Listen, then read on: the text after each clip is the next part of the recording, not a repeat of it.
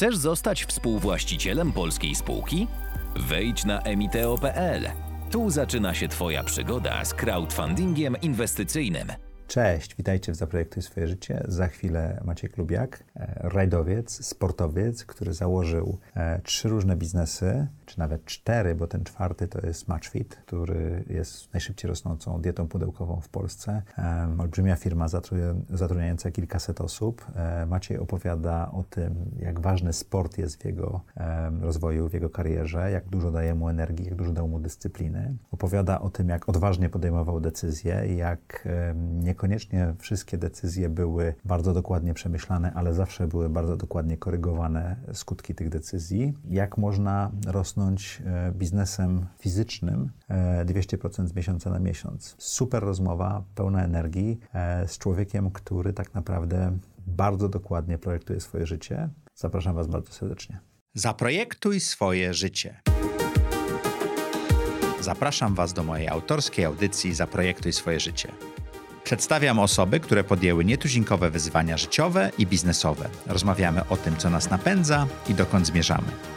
Historie opowiadane przez moich gości zainspirują Was do świadomego i odważnego projektowania swojego życia. Cześć! Witajcie w audycji Zaprojektuj swoje życie. Jak co tydzień w czwartek o czwartej zapraszamy dla Was interesujących gości, zadajemy trudne pytania, szukamy tego, co ich napędza i jak zrobili to, co zrobili. To jest też niesamowite i jeżeli jesteście tutaj pierwszy raz, like, subskrypcja, to jest to, co nas napędza. Bardzo Wam dziękujemy jesteśmy w ten sposób w stanie wygrać z, sztuczną inteligencją. jeżeli chcecie wspierać audycję Zaprojektuj swoje życie, patronite.pl łamane przez ZTZ, a jeśli nie zapisaliście się jeszcze na newsletter, zaprojektuj swoje życie.pl łamane przez newsletter, ruszyliśmy. Nasz newsletter wychodzi co tydzień, co poniedziałek. Ciekawe treści dla osób przedsiębiorczych. A dzisiejszym gościem jest Maciej Lubiak, e, założyciel Matchfita jednej z najbardziej znanych chyba marek, jeżeli chodzi o diety pudełkowe i dbanie o swoje, swoje wyżywienie. Sportowiec, rajdowiec, no i bardzo spełniony przedsiębiorca chyba, tak? Myślę, że można tak powiedzieć. O, o transakcji e, e, wyjścia funduszu i wejścia żabki w Twoją firmę było parę miesięcy temu bardzo głośno. Mm, tak, tak. To był, e, myślę, że przełomowy mhm. moment biznesowy, nie tylko dla mnie, ale i dla, e, dla całego zespołu, teamu Matchfita, e, no i w ogóle dla całej branży. E, Macieju, dwóch Maciejów dzisiaj, słuchajcie, będzie, będzie ciężko. E, Macieju, jak wyglądało do tej pory projektowanie Twojego życia?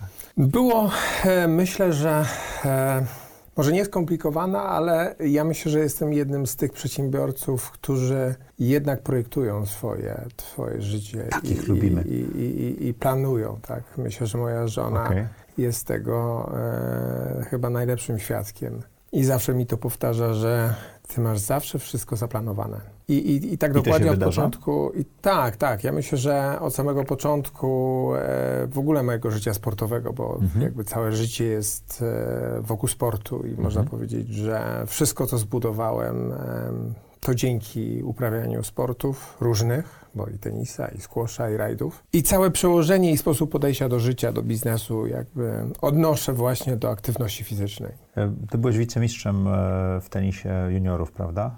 E, ja byłem mistrzem Polski, mistrzem byłem Polski wicemistrzem, grałem w Europie mhm. jako junior, jeździłem po świecie. Na samym takim początku, na wejściu w zawodowy tenis, jakby wycofałem się. No i rodzina sportowa, ojciec też był rajdowcem, kierowcą rajdowym, tak, tak rajdowcem. Tak. tak, tak. To skąd ten etos sportu? Stąd, że y, moi rodzice zawsze chcieli, mój tata przede wszystkim zawsze chciał, żebym był sportowcem, bo uważał, okay. że sport jest, e, to jest coś lepszego niż biznes. Tam, tam, mhm. tam e, decydujesz tylko i wyłącznie sam o sobie i, i wszystko, ta cała twoja ciężka praca A środowisko ma mniejszy wpływ, tak? Tak, środowisko, czynniki zewnętrzne. E, jeżeli ciężko pracujesz, dużo poświęcasz czasu na, na, na sport i, i ta twoja codzienność jest, jakby można powiedzieć, takiej strefy dyskomfortu, sportu i twój widzisz ten wysoki poziom wysiłku, który wpływa potem na, na, na mistrzostwo, jakie, jakie osiągasz. Także no, to, to jest bardzo wierna, można powiedzieć, dyscyplina, ale taka część życia, czyli tyle, ile poświęcisz czasu i energii na, na, na sport, tyle, tyle dostaniesz z powrotem. A to ty wybrałeś tenis? Tak, my, można powiedzieć, że w Gdyni kiedyś idąc na spacer bulwarem gdyńskim e, z daleka zobaczyłem korty tenisowe i tam po Mhm. prostu poprosiłem rodziców, żebyśmy poszli, żeby mógł sobie podbijać rakietką i tak od tego się zaczęło, od zapisania do szkółki, no i od... Ile miałeś lat? Pięć lat. Okej. A w Sopocie na kortach też grałeś? No, Sopot to był, to był inny klub. Ja byłem, Mhm. ja byłem zawodnikiem Arki Gdynia, potem Lechii Gdańsk, a, a Sopot to były, to, były, to były największe korty w Trójmieście wtedy. To był mój konkurent. To była zupełnie jakby inna drużyna, inna liga. Ale też miło wspominam. To co ze sportu udało ci się e, przerzucić do biznesu? Jak, jak bardzo ta, wspomniałeś o tym i to było, wiesz, pięć pytań mam na ten temat, bardzo mnie zainteresowało, że otworzyłeś ten temat. Jak e, ta dyscyplina i ta kariera sportowa pomogły ci w robieniu biznesu później? Oj, bardzo. E, Bo mój tata zawsze powtarzał, że w życiu najważniejsza jest pasja. I, i, I obojętnie, co będziesz w życiu uprawiał, jaki sport wybierzesz, to najważniejsze, żebyś robił to na 100%. Bo robienie rzeczy na pogwizdka nie mają sensu. I, i, i, i, i- tego od piątego roku życia, od codziennego spędzania na kortach e, swojego wolnego i niewolnego czasu, e, się nauczyłem. Bo uważam, że codziennie sportowiec od e, wczesnych lat młodzieńczych ma do czynienia po prostu ze strefą dyskomfortu. Jako młody człowiek dochodzisz do pewnego poziomu wysiłku, który po pewnym czasie, ale długim czasie, po latach, daje ci e, osiągnięcie pewnego mistrzostwa. I to samo jest mniej więcej w biznesie, że ja też dzięki właśnie uprawianiu sportów różnych i tak naprawdę ciągłej walki codziennej z bólem, z wysiłkiem, ze zmęczeniem, dla mnie po prostu wejście w biznes było czymś takim, no w sumie lekkim, bo, bo, bo, bo ten biznes, który, który, w którym jestem, no nie da się ukryć, jest, jest, jest, jest trudny, jest, e, można powiedzieć, bezlitosny. Jest to gastronomia, która, która tak naprawdę kojarzy się Najbardziej tak naprawdę... Red, red Oceans, Red Oceans, jakie są chyba, tak? Tak, z jednej strony z przyjemnością i taką wizją, ach, będę restauratorem, będę miał kawiarnię, będę zapraszał znajomych, będę spędzał miło czas w pracy, to, to jednak się okazuje praktycznie w 99%, że jest inaczej, że to jest jakby ciągła praca. To jest 7 dni w tygodniu, 24 godziny na dobę jesteś w pracy. Nawet jeśli nie jesteś u siebie w restauracji, w kawiarni, w barze, to myślami gdzieś tą poświadomością tam, tam siedzisz i, i myślisz, co tam się dzieje, czy jest ruch, czy nie ma ruchu, czy wszyscy dobrze pracują, czy, e, czy nie. I, I myślę, że dojście do tego, y, do, tego, do tego poziomu, do tego miejsca, w którym jestem, jakby zawdzięczam e, jakby wychowaniu w sporcie. Bo to jest dużo ciężkiej pracy, tak? Tak, To nie jest to podium czy ta restauracja, tylko to jest to wszystko, co dzieje się, tak? Tak, jeszcze y, tenis, potem, potem squash, y, to były, to były takie właśnie dyscypliny, od których wiele, wiele od Ciebie zależy. A rajdy, moto, motosport, to jest jeszcze maszyna, jest jeszcze team i tam jest niestety, tam jest wiele innych czynników, które wpływają na Twój sukces, z którymi musisz się pogodzić w momencie jakby no, porażki lub, lub, lub sytuacji, która nie od Ciebie zależy, tylko od maszyny. Ale Albo od zespołu. tak, od zespołu, ale, ale naprawdę to jest, to, jest, to jest wspaniała historia i myślę, że też, e, też dzięki, e, dzięki uprawianiu sportu e, lepiej planowałem w biznesie. Wiedziałem, że, że ciężką pracą, byciu e, naprawdę dokładny w tym, co robi, w przygotowaniu się, w poświęcaniu i w skupianiu się tylko nad jedną rzeczą, bo uważam, że też w- ogóle w biznesie bardzo, bardzo ważne jest to, żeby nie być rozproszonym biznesowo, żeby się skupiać na jednym i robić to najlepiej, jak się potrafi. To jest jakby najważniejsze i mi się wydaje, że to jakby w tym moim, tej, tej karierze biznesowej, jak można to tak nazwać, się zaowocowało. grow. A skąd pomysł na to, żeby zostawić tenis i zacząć się ścigać? Motorsport był zawsze u nas e, takim... Bo to w domu było, tak? Tak, takim tematem numerem jeden i, mój tata rajdowiec, ja zawsze uwielbiałem rajdowców, Marian Bublewicz, Andrzej Lubiak, e, słynni kierowcy Carlos Sainz, no i mój ojciec chrzestny Maciej Wisławski, który też... I też miałeś do nich dostęp, prawda? Tak, dostęp, tak, to legenda jakby polskich e, rajdów. E, Razem tworzył kiedyś załogę z moim tatą i zawsze, czy to święta, nie święta, przyjeżdżał i przywoził te informacje rajdowe e, z, z Polski, z Europy i ze świata. Także to było zawsze moje takie niespełnione marzenie. No ale był tenis, który był taką, można powiedzieć, czystą dyscypliną. W I zajmował dużo czasu. Tak, w której poświęciłem naście lat e, na granie. Grałem w Niemczech, w Szwecji, u różnych trenerów, w różnych drużynach jeździłem po świecie. Naprawdę ka- kawał świata zwiedziłem. No ale w pewnym momencie przyszedł taki moment, e, że e, miałem bardzo dużo kontuzji i tutaj to był problem, e, że te kontuzje bardzo męczą zawodników na pewnym poziomie. Ja jednak byłem tenisistą tej starej generacji, gdzie ten, to przygotowanie fizyczne i w ogóle przygotowanie do, do tenisa nie było aż tak profesjonalne, tak dokładne, tak, an, tak, tak analityczne jak w, w, te, w, obecnych czasach, gdzie, gdzie, gdzie kiedyś grało się głównie w tenisa, a, a przygotowanie fizyczne i w ogóle i mentalne było na drugim, trzecim, czwartym miejscu nawet. Więc e, kontuzja za kontuzją, kontuzja za kontuzją, jeżdżenie po szpitalach, po centrach rehabilitacji no, spowodowało, to że... To był ten moment, kiedy podjąłeś tak. tę decyzję, tak?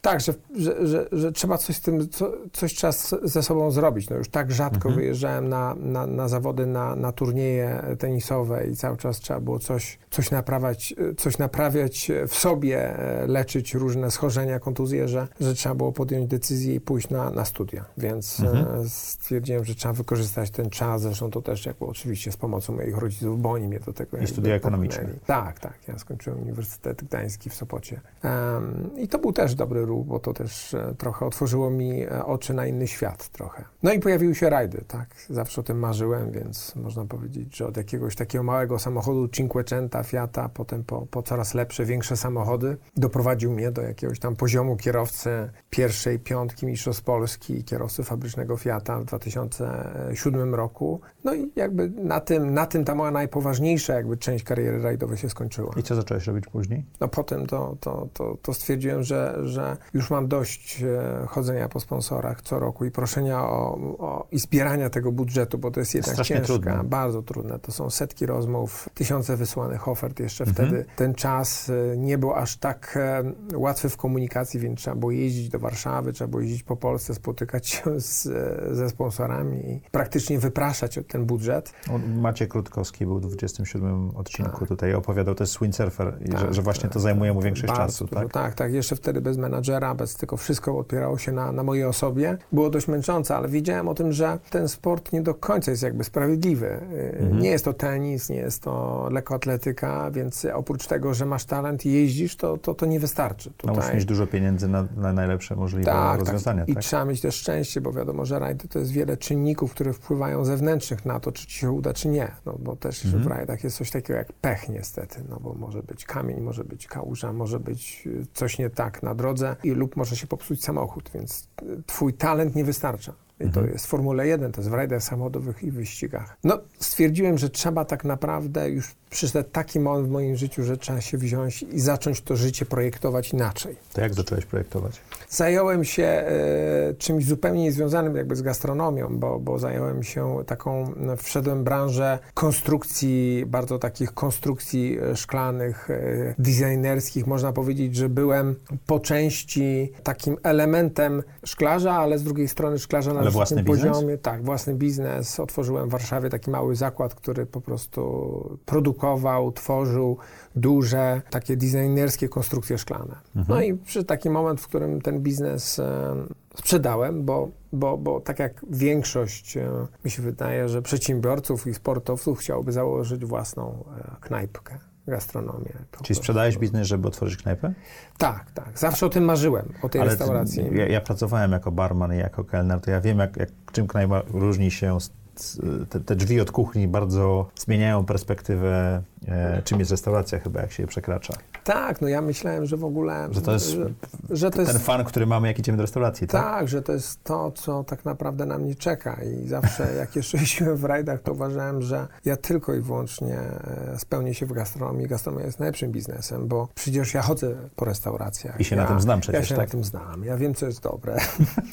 ja wiem, jak kawa powinna smakować. Oczywiście uwielbiam pizzę, uwielbiam proste streetowe jedzenie, ale ale wydawało mi się, że wszystkie rozumy zjadłem i uważałem, że jak będę miał knajpę, to, to wystarczy tyle i tyle sprzedać kawy, tyle i tyle sprzedać ciastek. Ale rozpisałeś sobie samo- ten plan biznesowy na To się samo, oczywiście. Miałem swojego jakiegoś Excela, w którym zawsze wszystko dobrze wychodziło. No i, i udało się, tak. E, Znalazłem miejsce, do którego, można powiedzieć, nie byłem w 100% pewny na tą pierwszą moją restaurację. Mówimy o Milanowo. Tak, tak, tak, ale...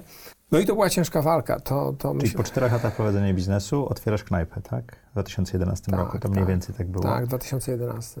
Ale tam nie było przedtem restauracji, więc nikt nie był przyzwyczajony, że tam jest restauracja. Nie, tam była galeria bursztynu i, i na to- szczęście miałem fajnego sąsiada, bo tam była y, pijalnia czekolady, y, więc jakby to było miejsce, w którym spotykali się, y, spotykali się miłośnicy czekolady, gorącej czekolady, bo to było bardzo znane miejsce, takie kultowe, mi się wydaje, na mapie Warszawy, albo w ogóle w Wilanowie. No i tam w tej galerii bursztynu otworzyłem restaurację, małą pizzerię tam na, na, na raptem 180 metrach kwadratowych i, i, i zacząłem działać. I tak naprawdę działałem, nie mając żadnej, ale to żadnej kompletnej wiedzy na temat gastronomii. Nie wiedziałem to tak naprawdę w co wchodzę. Jak miałeś wynik po pierwszym roku? Nie, ja tylko pamiętam, że goniłem ogon cały czas. Że, że, E, Cashflowowo? tak, cashflowowo, że, że to było po prostu y, cały czas była gonitwa tak naprawdę za brakiem, brakiem środków na, na rozwój Mhm. i, i, i, i, bo, bo, ci, bo, bo ten biznes w tamtym miejscu, w tym czasie był bardzo sezonowy. Było lato, było super, zresztą jak tylko otworzyłem, to już miałem full gości, nad czym po prostu nie byłem w stanie e, zapanować. Potem przyszły okresy spadków jakości, problemów z personelem, e, przyszła jesień, przyszła zima, no i wiadomo, że to są gorsze okresy dla miejsc, które po prostu nie są znane, nie mają Mhm. dobrej renomy i opinii. No i tak rok po roku, rok po roku, rok po roku. Czyli ogródki w pewnym sensie pomagały O, i tak. lato pomagało, a w zimie była Tak, bida z nędzą. Bida tak? z nędzą. No ale akurat ta, ta część e, e, Warszawy, Wilanów jest bardzo aktywny tak Mhm. w ogóle rozrywkowo, kulturalnie i, i to też bardzo pomogło. To niesamowity miało wpływ na, na, na mój biznes, ta aktywność, można powiedzieć, e, samego Wilanowa. A czego nauczyło cię prowadzenie restauracji? To było twoje drugie przedsięwzięcie, tak? W życiu? Tak, tak. tak. Czego cię nauczyła ten, ten biznes? Można powiedzieć, że trzecie, bo ja jak jeszcze kierowcą rajdowym byłem, to prowadziłem taką firmę eventową i robiłem imprezy eventowe jako kierowca, czyli co-drive organizowałem, Okej. woziłem, woziłem pracowników firm, robiłem eventy takie typowo motorsportowe, rajdowe, gdzie klienci mogli poczuć, co to znaczy e, jazda rajdowa nie tylko obok mnie, e, obok Mhm. mnie jako pasażer, ale też za kierownicą. Tak, taki dzień składał się właśnie z takiego eventu, że ty najpierw jechałeś małym rajdowym autem w takim swoim mini rajdzie e, Mhm. zręcznościowym, a potem wsiadał taki załóżmy pracownik potencjalny e, mm, na, na, na, na fotel pilota i jechał ze mną odcinek 4-kilometrowy Mhm. e, w takich typowych warunkach rajdowych. No i jakby to, wchodząc jakby w, w tą gastronomię, to był mój, tak, to był mój trzeci, można powiedzieć, taki biznes poważny, no to każdego dnia uczyłem się na własnych błędach, no bo to, to jest wiele czynników, to jest bardzo złożony biznes, to, to trwało, można powiedzieć, latami. To były, to były wieki, które musiały minąć, żebym jakby dojść do pewnych takich e, rzeczy, które każdy restaurator powinien, wiedzieć, zanim zacznie w ogóle A ty, mm, czy prowadzić przed restaurację. rozpoczęciem e, tej kariery jako restaurator rozmawiałeś z innymi restauratorami, uczyłeś się, czy stwierdziłeś, że po prostu to zrobisz? Rozmawiałem z doradcami, restauratorami, ale to, to, To nie to to nie do końca mi miało dla mnie jakieś znaczenie, tak? Czy, czy oni mi, czy, czy, czy mają... Ja ich nie słuchałem, ja uważam, że... A to, że rozmawiałeś, a słuchałeś, to były dwie różne rzeczy, tak? No to jak każdy. Każdy marzy o własnej knajpce, a Okej. na szczęście uważam, że byłem w takiej sytuacji, że to był mój jedyny biznes. I byłem mogłeś w się tym wszystkim skupić. sam. Mogłem się na tym skupić. Gorzej by było, gdybym na przykład miał już jakąś firmę, byłbym prezesem, dyrektorem i uważałbym, że posiadanie restauracji to jest to, co mi zapewni spokój do końca życia. I No to wtedy jakby... byś raczej dosypywał do tej Tak, restauracji dokładnie. ciągle, A tak? tak, siedziałem sam, nie Mhm. miałem wspólnika, po prostu byłem w tym wszystkim sam i sobie radziłem. Na początku jako nawet kelner, barman, menadżer,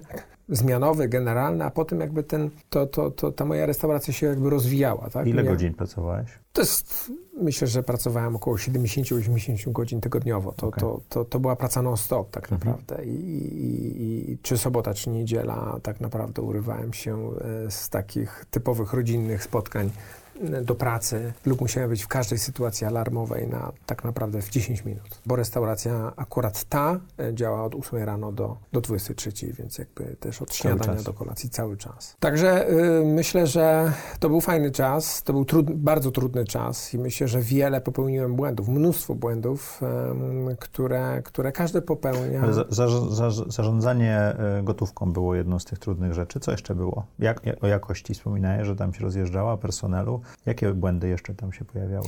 No błędy organizacyjne, kontrolne, no bo, Okej. bo restauracja to jest jakby, to jest wiele czynników, Mhm. to jest y, czynni, wiele czynników, których tak naprawdę nie widać. Mnie nauczyła gastronomia e, przede wszystkim patrzenia na biznes e, nie tylko gastronomiczny, ale inny biznes, że to nie jest wszystko takie, takie proste. To z zewnątrz jest bardzo powierzchownie e, wszystko proste, no ale gastronomia jednak jest bardzo złożona, bo, bo, bo masz do czynienia przede wszystkim z jakością, produktem, e, Bezpieczeństwem, o, bezpieczeństwem, obszarami, bo to mhm. produkcja, kucharze, kelnerzy, e, no i oczywiście ci klienci, tak, którzy tak naprawdę ich nie obchodzi to, jakie ty masz problemy e, na zapleczu. Ich nie obchodzi to, dlaczego e, kelner, kucharz zaspał lub nie przyszedł do pracy, albo że w ogóle nie ma kucharza, no bo był taki dzień, w którym to był taki chyba najtrudniejszy dzień, który nie zapomnę do końca życia, jak, jak mam już restaurację czynną z półtora roku i zaprosiłem swoich znajomych rajdowców Włochów do restauracji do siebie. Przyjechało ich tam chyba, to, by, to był cały taki team mhm.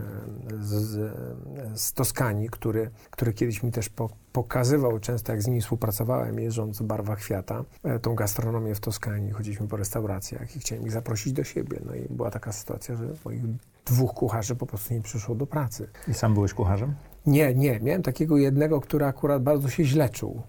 Nie wiem z jakiego powodu, można się domyślać, ale był w tej restauracji. Można powiedzieć, że, że, i, i, że dania ciepłe on gotował, a dania zimne e, kelnerzy i, i, i, akurat menadżer zmianowy. On po okay. prostu musiał robić sobie przerwę i, przy, i spał, bo się bardzo źle czuł. Nie wiem z jakiego powodu, źle się czuł, wstawał. No, no powiem, to był cyrk, tak? To okay. nie wyszło. Tak? To, była, to była akurat niedziela, która, która była bardzo pechowa, no i jakby z tym człowiek, człowiek sobie nie zdaje sprawy, otwierając, otwierając restaurację, że tak naprawdę przychodzą klienci i oni, oni nie przyjdą wtedy, kiedy tobie biznes działa, oni przyjdą zawsze. I to twój biznes musi cały czas być na 100% gotowy. No, więc, mhm. więc czy to jest sobota, czy to jest niedziela, to tak naprawdę musisz mieć pełen staw, wszystkich wyszkolonych, wszystkich e, przygotowanych do pracy. I można powiedzieć, że to był taki dobry poligon doświadczenia i taki warsztat, który w wielkim bólu, można powiedzieć, i w, w, w trudnym dla mnie czasie był, był doskonałą nauką. I ja przez to, że byłem tam non-stop, tego wszystkiego się uczyłem, tej jakości, patrzenia na jakość, na produkt uczyłem się przede wszystkim też relacji, no bo gastronomia specyficzna, ludzie, którzy z niej pracują są specyficzni, więc y, trzeba przyznać, że pracują bardzo ciężko, bo to jest ciężki biznes i czy to kucharz, czy to kelner musi pracować na 100% obrotów. Ale ich koszt zmiany pracodawcy jest żaden, prawda? Tak, tak. Mogą wyjść, pójść do następnej restauracji Dokładnie, bez problemu. Tak. tak, i to były też takie czasy, w których tak naprawdę, teraz może jest inaczej, bo jesteśmy w trochę w innym okresie, mhm. takim pandemicznym, ale, ale jeszcze parę lat temu to tak naprawdę praca dla nich była na każdym, na każdym skrzyżowaniu, na każdym roku, więc trzeba było też y, mieć odpowiedni jakby stosunek do, do, do, do, do nich i, i, i szacunek do, do tej ich ciężkiej pracy, bo mhm. to jest praca, można powiedzieć, y, to jest takie Hell's Kitchen, tak? W dobrej restauracji, jeżeli jest dobre jedzenie, to, to, to wszystko zewnętrznie dobrze wygląda, ale w środku jest jednak piekło. Każda dobra restauracja mająca duży ruch, no jednak ma duże tempo pracy. Wszyscy, którzy w niej pracują, naprawdę ciężko, mo, można powiedzieć, że pocą się od rana do wieczora. Ja byłem barmanem kiedyś w tak, takiej, tak, no to, takiej to, restauracji i potem dyskotece i coś jeszcze, to tak. rzeczy, które można było zrobić w 30 sekund. Na przykład, jeżeli stłucze ci się szklanka na lodzie, to musisz wiedzieć, jak rozwiązać ten problem, bo nie możesz tego lodu użyć, a, a nie możesz się go pozbyć, bo nie masz czasu na to, nie? Tak, tak, tak. Tego typu rzeczy. Cztery lata później otwierasz Matchfit. Poczytałem trochę różnych wywiadów. E, zacząłeś myśleć o diecie pudełkowej, dlatego że miałeś problemy swoje, tak, żywieniowe. Próbowałeś dobrać dietę, zacząłeś szukać rozwiązania. Czy to było zaplanowane, y, zmiana biznesu, czy to był trochę taki przypadek? Nie możemy zapomnieć o tym, że ja zawsze chciałem być super restauratorem. Ja zawsze chciałem mieć... Wiele e, restauracji. Chciałem mieć kilkadziesiąt restauracji. Nawet mhm. sobie taki plan zrobiłem, że będę miał 25 restauracji milanowych. Ten Excel był bardzo pojemny. Tak, tak. Ja cały czas nad tym pracowałem. Cały czas modelowałem swoją przyszłość. Mhm. Wierzyłem zawsze w jakąś tam, w jakiś plan. Mhm. I był taki moment, że ja sobie poradzę, bo to zaczęło w pewnym momencie dobrze funkcjonować, tak? E, jakością doszedłem do pewnego poziomu, mhm. regularnością, e, dbaniem o pracowników, Ale o cały ludzi. czas pracowałeś tam. Ja mówię tak, tak, o, o Milanowo I, mhm. i, i, miałem możliwość też e, poszerzania, e, poszerzania w ogóle tej restauracji. Wynająłem większą jej powierzchnię, potem udało mi się pozyskać dodatkową, dodatkowy obszar letnich ogródków, mhm. więc jakby można powiedzieć, że ta restauracja nabrała wielkości szybkości, nabrała tempa i też jakości, nad którą cały czas od początku pracowałem i, i, i myślę, że w 80% od 2011 roku menu się nie zmieniło. Cały czas pracujemy na tym samym menu, które po prostu... To też ważne, bo znaczy ludzie doceniają to. Tak, tak, tak. Ja zawsze uważałem, że trzeba, trzeba produkować i trzeba takie rzeczy mieć, takie pozycje w menu, które nie tobie pasują i smakują, tylko po prostu większości klientów. Tak? I, i, I starałem się i nad, nad, nad, nad tym się głównie skupiłem zawodowo. Natomiast tak, miałem różne marzenia związane z gastronomią, z rozwojem i, i, i, trzeba przyznać, że tak się zaangażowałem w, w prowadzenie Milanowo, że dla mnie jakość była najważniejsza. I to próbowanie, testowanie i te kulinaria, które były istotne dla mnie jako dla właściciela, no spowodowały, że, że nabawiłem się różnych nietolerancji pokarmowych. Zresztą mi się wydaje, że mam to trochę tak e, genetyczne, Ale prowadzenie restauracji to ale tak, tak. No i to, że oprócz tego, oprócz mojej restauracji e, lubię, e, lubię jadać w innych restauracjach. Ja nie jestem takim zapatrzonym w siebie restauratorem, który tylko i wyłącznie u siebie jada, ale uwielbiam jadać na mieście. Właściwie więcej jem na mieście niż siebie w restauracji. No i, i właściwie dzięki uprawianiu intensywnego sportu jestem dość, e, dość sprawny. Ale gdybym chyba tego nie robił, to przy swojej ilości jedzenia i tym łakomstwie i tym byciu takim smakoszem, łakomczuchem, nabierałem po prostu różnych problemów takich e, zdrowotnych. I, stwierdziłem, że trzeba po prostu uprawiając taką intensywnością sport, trzeba zacząć o siebie dbać w jakiś sposób. Zacząłem się interesować dietą, em, zlecałem e, układanie menu moim, e, moi kucharze to przygotowywali. No i Szukając też różnych rozwiązań biznesowych, spotkałem się ze znajomym na kawę i tam i tak od słowa do słowa powiedział mi właśnie, że, że fajnym biznesem jest e, ta dieta pudełkowa. Mówi, spróbuj, zamów sobie, zobaczysz, jest to bardzo fajne, no bo zdrowe, praktyczne. Dostajesz wszystko po prostu na wycieraczce. Kucharze nie muszą ci po prostu gotować e, jednego posiłku podzielonego. Zbilansowane, Tak, wiesz ile kalorii. Tak, tak. Wiesz, ile masz kalorii, masz to po prostu z głowy. Zobacz. To, a poza tym jest to fajnie rozwijający się biznes. Ja oczywiście o tym biznesie słyszałem wiele razy przed, bo miałem taki moment, w którym chciałem sprzedać restaurację, bo już miałem tego dosyć. Podobnie jak ze szkłem? Tak, ale ze szkłem to było, to było tak, że Sprzedaż w celu, tak? w celu, tak, w celu jakby dalszego rozwoju, ale, ale chciałem po prostu, bo stwierdziłem, że y, wynajmowałem lokal, ten lokal y, miał swoje ograniczenia powierzchniowe. Zobaczyłem, że nie stworzę z tego, z tego lokalu kolejnego lokalu, bo, bo jest dzięki temu, dzięki temu lokalowi, e, który miałem, mogłem tak naprawdę tylko i wyłącznie go prowadzić. Było, było bardzo ciężko, ponieważ Czyli inwestycja nie generował tyle gotówki, żebyś mógł otworzyć kolejną restaurację, tak? nie generował, to jedno. Poza tym inwestowanie w kolejne lokalizacje jest bardzo ryzykowne, bo gastronomia stacjonarna to jest wiele czynników. To jest miejsce, to jest cena, to jest jakość, to jest też klientela. Do tego są potrzebne pewne badania, analizy, wyczucie rynku, gdzie tak naprawdę Milanowo było idealne w, to, w tym miejscu, w którym jest w tej chwili. I, i, I tam wszystko po prostu działa, uważam, że bardzo dobrze. Ale wtedy nie dawało mi większego rozwoju, a jednak chciałem w życiu stworzyć coś więcej, coś, coś z, uważałem, że tyle jestem w stanie więcej jeszcze pracować i tyle poświęcić e, w swoim życiu zawodowym, że nie chciałbym się zatrzymać na tej jednej restauracji. I miałem taki moment, e, w którym stwierdziłem, że może po prostu to sprzedam i spróbuję zupełnie w innym obszarze biznesowym. I czemu nie sprzedałeś? Właśnie dlatego, bo spotkałem się z tym znajomym na kawę. Tak. I tak pogadaliśmy o różnych sprawach biznesowych, o różnych koncepcjach, kierunkach biznesowych. Bardzo mądra osoba, e, która, która się głównie tym zajmuje i właśnie opowiedziała mi o tej e, diecie pudełkowej i o tym, że to oprócz tego, że jest praktyczne i muszę spróbować i przestać obciążać własnych kucharzy i, To i zamawiać, siebie, ale to też to biznesowo. jeszcze weź się temu przyjrzyj, bo ja w, właśnie tak jak wrócę do, do, do sprzeda- sprzedaży tej restauracji, to, to jak miałem tam kilku potencjalnych nabywców mojej restauracji, to oni mówili, no wie pan, to jak gastronomia, to, to trochę drogie, to, to trochę drogie jest to zakładanie tych, tych knajp, bo, bo teraz jest taki biznes modny, dieta pudełkowa, bo to tutaj ta stopa, ten próg wejścia jest dużo, dużo niższy niż e, do restauracji, a, a to dobrze się rozwija. Ja jako restaurator taki stacjonarny ba, bardzo to negowałem i ignorowałem. No nie, no to gastronomia Gdzieś tam prawdziwa. przechodziło obok, tak? Tak, prawdziwa gastronomia to jest restauracja, to jest... Usiąść, Tak, to serwis. Jest, tak, to, to jest klasa. Natomiast dieta pudełkowa, kto to będzie jadł? Natomiast ten znajomy trochę otworzył mi oczy. I ja wiedziałem, że ja muszę coś zrobić, że ja muszę po prostu pójść do przodu. Nie otworzę drugiej restauracji, ale może spróbuję jednak mimo wszystko troszeczkę, innego, troszeczkę innego obszaru. na bazie restauracji. Tak, tak. Szczególnie, że spróbowałem tej diety, zobaczyłem, jakie to jest fajne. Czyli zamówiłeś, e, Tak, tak, pamiętasz tak. skąd zamówiłeś pierwszą? Pamiętam. Powiesz? Pierwszą, jaką zamówiłem, zamówiłem z e, Zielonego Widelca. E, potem zamówiłem z, e, już tego, już tej diety nie ma, tej firmy nie ma, ona teraz zmieniła nazwę.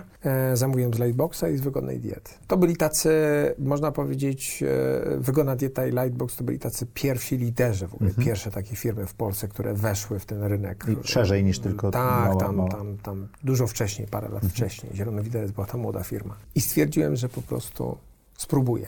Ale chciałem spróbować e, e, zacząć od tego, co jest najważniejsze w gastronomii, czyli od jakości. Stwierdziłem, że klient po prostu, jeśli chodzi o jedzenie, głównie przede wszystkim patrzy na jakość. I do tego po prostu się przygotowałem bardzo, bardzo dokładnie, bardzo długo się przygotowywałem. E, a czy to było też tak, że ty projektowałeś cały ten biznes z pudełka, dostawy i tak dalej, zanim go rozpocząłeś, czy troszeczkę uczyłeś się w trakcie?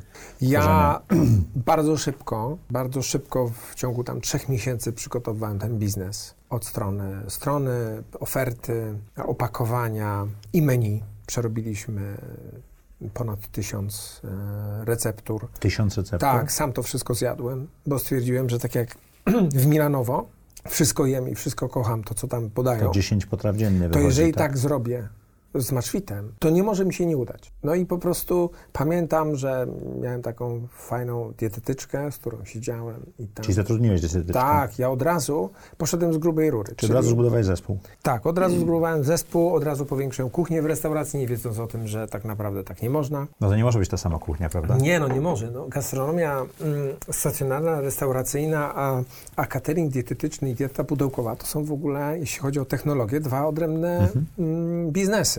Nie wiedziałem o tym. Poszerzyłem kuchnię w Milanowo, rozbudowałem to. No i tam w części takiej drugiej, ciepłej, po prostu zacząłem przygotować menu. Miałem kucharza, miałem dietetyka i miałem osobę, która zajmowała się wszystkim. Taka osoba do odbierania telefonu, e, do spraw operacyjnych. Była ze mną jakby od początku pierwszym takim kontaktem z klientem.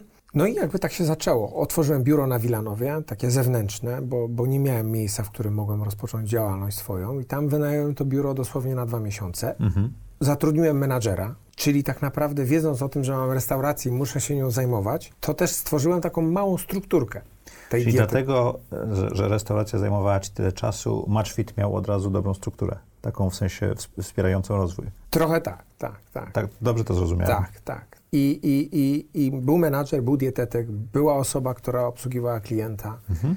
A Był kto kucharz. rozwoził? Kto rozwoził? Był kucharz, tak. No i rozwoziły takie, takie małe firemki, które już wtedy rozwoziły Dla diety innych- pudełkowe. dla- Tak, okej. tak, tak. Oczywiście na początku, teraz sobie przypomniałem, na samym początku to był nasz pracownik z restauracji, który rozwoził e, dania gotowe do, do, do klientów, czyli Mhm. tak zwanej deliverce. E, on też e, rozwoził dietę pudełkową właśnie nad samym ranem. No to, to, był, to był problem, bo to, to trwało z pół roku i często było tak, że on pracując w ciągu dnia w restauracji miał problem z wstaniem wcześniej rano i rozwiezieniem. Tak, i było często tak, że, że zaspał. Mm, Na szczęście było to tylko albo aż 20-40 pakietów, które nie zostały Okej. rozwiezione, ale było też tak, że raz, raz zasnął w samochodzie i nie rozwiózł, bo, bo zamiast pójść do domu, e, pójść do domu spać, to został po pracy w samochodzie, poszedł spać, z, zaspał z paczkami, które były w, w jego samochodzie. No tak, tak się zdarzało. Oczywiście były takie sytuacje, w których nawet ta firma, mm, która woziła pierwsza dla nas, nie przyjechała i trzeba było po prostu z kucharzami, z menadżerami wsiąść Jeździć. do taksówek i rozwozić paczki W samochodem. środku nocy. Tak, dokładnie. Także no to był taki czas Ilu dość... miałeś klientów pierwszego dnia? Pierwszego dnia miałem trzech, czterech. E, Okej. Mi się wydaje, że, że tak, jak, tak, jak, tak jak wspomniałem, skupiłem się na jakości i A można nie, a powiedzieć, nie że na marketingu? że zewnętrznie, no nie do końca nie miałem na to środków, ale to zewnętrznie wyglądało, jakbyśmy byli już wielką firmą. Jak Z pojawi- uwagi na stronę, z uwagi na, stronę, opakowanie? na opakowanie, na wszystko. Tam nie, Okej. było, nie, było, nie było prowizorki. Etykieta, pudełko, tacka, danie wyglądało jak z najlepszej restauracji. I to tak miało wyglądać. Pierwszego dnia e, na minus jeden w Milanowo do kucharzy e, mówiłem, słuchajcie, Matchfit ma dzisiaj tyle, będzie miał 2000, będzie miał jeszcze lepszą jakość, będzie miał jeszcze więcej tysięcy, będzie miał jeszcze lepszą jakość. Udowodnię wam, że tak naprawdę jesteśmy w stanie wraz z ilością e, wyprodukowanych dań możemy utrzymać tą jakość, jeżeli będziemy trzymali nasze standardy. Wtedy wierzyłem w te nasze standardy i tak naprawdę każde danie było fotografowane, każde danie miało od początku swoją recepturę, swój opis, Czyli była procedura była dla, procedura, dla kuchni, tak, tak? tak. I, I klient to odbierał to jako coś takiego gotowego, dużego, fajnego, dopracowanego. Przeanalizowałem oczywiście, jak działa konkurencja i starałem się oczywiście poprawić te najsłabsze punkty ich oferty. A czy zdawałeś sobie sprawę, jak bardzo zmieni się twój przepływ gotówki w firmie i jak bardzo się to poprawi planując ten biznes? Czy to był taki efekt uboczny? Bo to, bo to jest biznes subskrypcyjny, tak? Dostajesz pieniądze zanim je wydasz w pewnym sensie, tak? Tak, na początku to była zwykła strona i zamówienia polegały na tym, że było zamówienie mailowe. Mhm. Potem dopiero e, do strony do, System doszła płatności. wtyczka e, WooCommerce'owa i, Mhm. i, i, i już A, nie czyli mówiąc... zaczynaliście od WooCommerce'u, najprostszej wtyczki, tak? Tak, tak, tak. I już nie mówiąc, nie, no, zaczynaliśmy w ogóle od zamówienia mailowego i od zwykłego, standardowego przelewu, więc Aha. potem dopiero się pojawiła wtyczka WooCommerce'owa. Okej. E, potem się pojawiły płatności, więc tak krok po kroku. Na początku był zwykły CRM, który, który był jakimś CRM-em sprzedażowym, w którym kontrolowaliśmy tak mniej więcej e, swoją sprzedaż. E, natomiast e, stawialiśmy na jakość, tak. I można Mhm. powiedzieć, że w restauracji na minus, e, na minus jeden, naprawdę w małej, na małej powierzchni, bo 25 metrów kwadratowych osiągnęliśmy w ciągu 3 miesięcy 200 pakietów w ciągu jednego dnia. 200 pakietów. Tak. Czyli w ciągu trzech, trzech miesięcy od tych tam 20-30 ty zaczynałeś, miałeś, miałeś 200 pakietów, tak? 200 pakietów. I to już był limit? To był limit. To, to już nie wiedzieliśmy, gdzie to produkować, tak? Mhm. Gdzie to robić, gdzie to chłodzić. Po prostu e, wynająłem, wynająłem e, w, w Piasecznie e, obiekt, który zaadoptowałem pod, pod, e, pod dietę pudełkową. Pod... Czyli ze względu na wzrost biznesu musiałeś e, nadążać z rozwojem firmy w pewnym sensie, tak? Tak, to było tak, tak, tak dynamicznie się rozwijało, że, że miałem to swoje Milanowo, które dawało mi jakąś tam podstawę taką cashflowową Mhm. do, do funkcjonowania biznesu i do inwestowania w, w wyposażenie cateringu Matchfit. No i dla mnie wtedy wynajem w Piasecznie obiektu to było coś po prostu takiego nieprawdopodobnego, kosmicznego. Był tak duży obiekt, bo to miał ten obiekt 800 metrów. Dla mnie to było coś nieprawdopodobnie e, za dużego. Tam e, rozpoczęliśmy najpierw procesy pakowania, potem, potem produkcyjne. W międzyczasie produkując,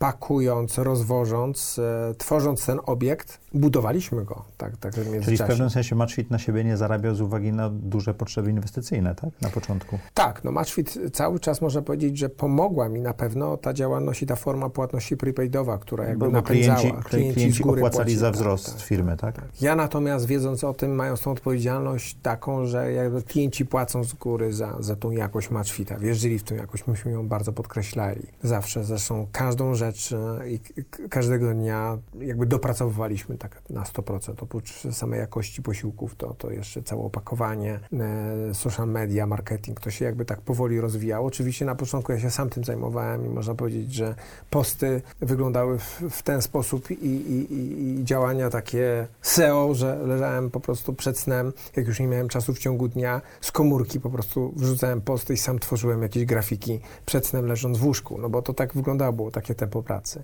I ten obiekt zawsze był i ten biznes zawsze był za mały, bo w, restauracji było 200 pakietów przy 25 metrach, jak e, w, Piasecznie budowałem obiekt i można powiedzieć, że ani na jeden dzień, ani na jedną godzinę nie zatrzymałem tego biznesu, nawet go budując, Czyli budowałeś e, w, Milano w piwnicy była kuchnia, tak? Dobrze Nie, rozumiałem? nie, to, to już żeśmy się stamtąd wnieśli, Wnieśli? bo to trzeba było się wynieść, ale w tym nowym obiekcie, w którym, Okej.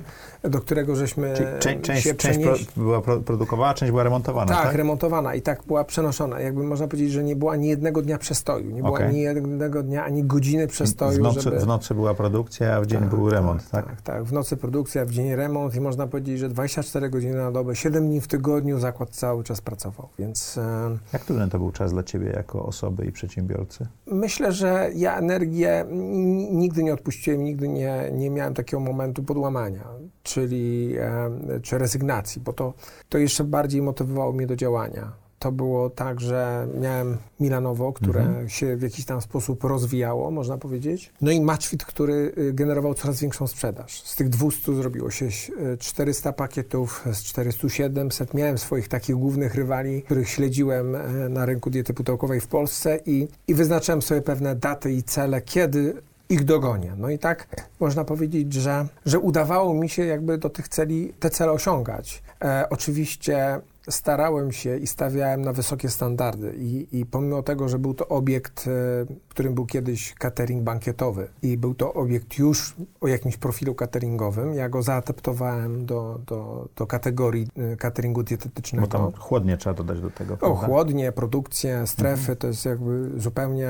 zupełnie inna specyfika mm, układu technologicznego e, zakładu. No udawało mi się po prostu go zbudować na tyle, że wprowadziliśmy certyfikację TIF jako jedyni w Polsce i to, to, to były takie małe sukcesy, ale myśmy cały czas od początku starali się e, pokazać, że mamy wysokie standardy produkcji, jakości i że to nasze jedzenie jest po prostu oprócz tego, że smaczne, takiej jakości restauracyjnej, bo ja od samego początku każdego dnia stawialiśmy i mówiliśmy o tym, że to po prostu musi być jak z najlepszej restauracji. Zresztą nasze menu jest ułożone i oparte o kuchnię świata. O kuchnię nie tylko śródziemnomorską, włoską, francuską, ale i azjatycką i można powiedzieć kuchnię z całego świata. Każde, można powiedzieć, danie ma jakiś sens i ma jakiś przekaz. Każde nasze danie to nie jest mm, sama ilość składników, które tworzą jakąś makrokaloryczność, tylko to są dania, które mają, mają swój smak, swój charakter i można się w, w jakiś sposób e, nazwać. Czyli można powiedzieć, że robimy gołąbki dietetyczne, mówimy burgera dietetycznego, czyli, czyli trochę też dajemy możliwość oszukania się e, podczas jedzenia. Czyli, że, że smak jest, ale Smak. dieta jest... Ale dieta jest utrzymana, Mhm. tak, czyli właściwie, właściwie tworzyliśmy wszystko to, to menu, które wynikało jakby z moich potrzeb, tak, ja jestem łakomczuchem, ja, ja tak naprawdę jak zaczynam jeść, to nie, ma, nie mogę się powstrzymać i, i ten matchfit jest nie odpowiedzią na to. No, to jest naprawdę ciężka praca. E, Matchfit jest odpowiedzią na to właśnie, że, żeby pohamować te moje, moje zapędy, żebym, Mhm. żebym, żebym nie sięgał po słodkie rzeczy, bo przez to w Matchficie jest tylko w bardzo zdrowej, dietetycznej formie. To był taki okres, w którym też w Matchficie, kończąc budowę, już do mnie podchodził nie jeden pracownik, mówił, szefie, ale my tu kończymy budowę, A to ale już- już nie ma miejsca. nie ma miejsca. No i to nie tylko jest tak w, Matchficie, ale też cała branża taka w sumie jest, że, Rośnie że, szybciej. że ona rośnie szybko. Rośnie szybko. I są tacy, którzy chcą po prostu zostać na pewnym poziomie, a natomiast ja, Matchfit, cały zespół zawsze chcieliśmy po prostu się dalej rozwijać. A teraz macie halę 5000 metrów, tak? No Gotową- prawie 4000 metrów, można powiedzieć. Obiekt ponad 5000 metrów, tak. Gotową na 100 tysięcy posiłków, tak? Tak. Jesz- Jeszcze nie doszliście do tego poziomu?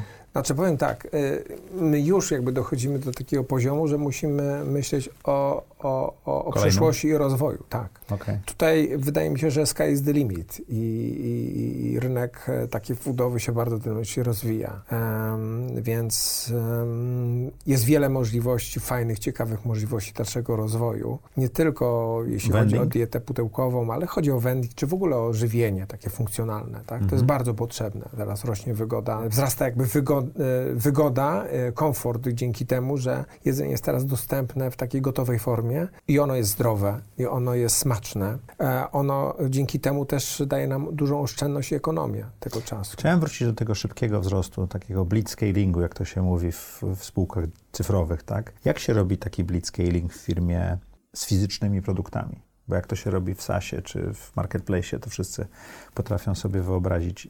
Opera- ty jako przedsiębiorca, operacyjnie, zespół i tak dalej, jak sobie poradziłeś z tym 25 metrów, 800 metrów, wyrastamy z tego. Kogo potrzebowałeś? Jakie były trudne momenty? Jakie decyzje musiałeś szybko podejmować? Jak radziłeś sobie z prowadzeniem restauracji w tle? Uważam, że mm, przede wszystkim tak jak wrócę trochę do tego sportu, on, Mhm. on spowodował, że, mm, że jednak e, ta moja strefa dyskomfortu i zmęczenia była gdzieś bardzo e, Wysoko. wysoko, daleko i właściwie jej do tej pory nie ma. Okej. Bo można powiedzieć, że nie jest w stanie nic mnie zmęczyć tak na co dzień, jeśli chodzi o pracę. Mm, Praca jest jakąś częścią mojej pasji. Ja w ogóle podchodzę do życia, do biznesu tak trochę jak do sportu, czyli dla mnie życie jest challenge'em i, i każdego dnia jest jakaś, jakiś element rywalizacji. Mhm.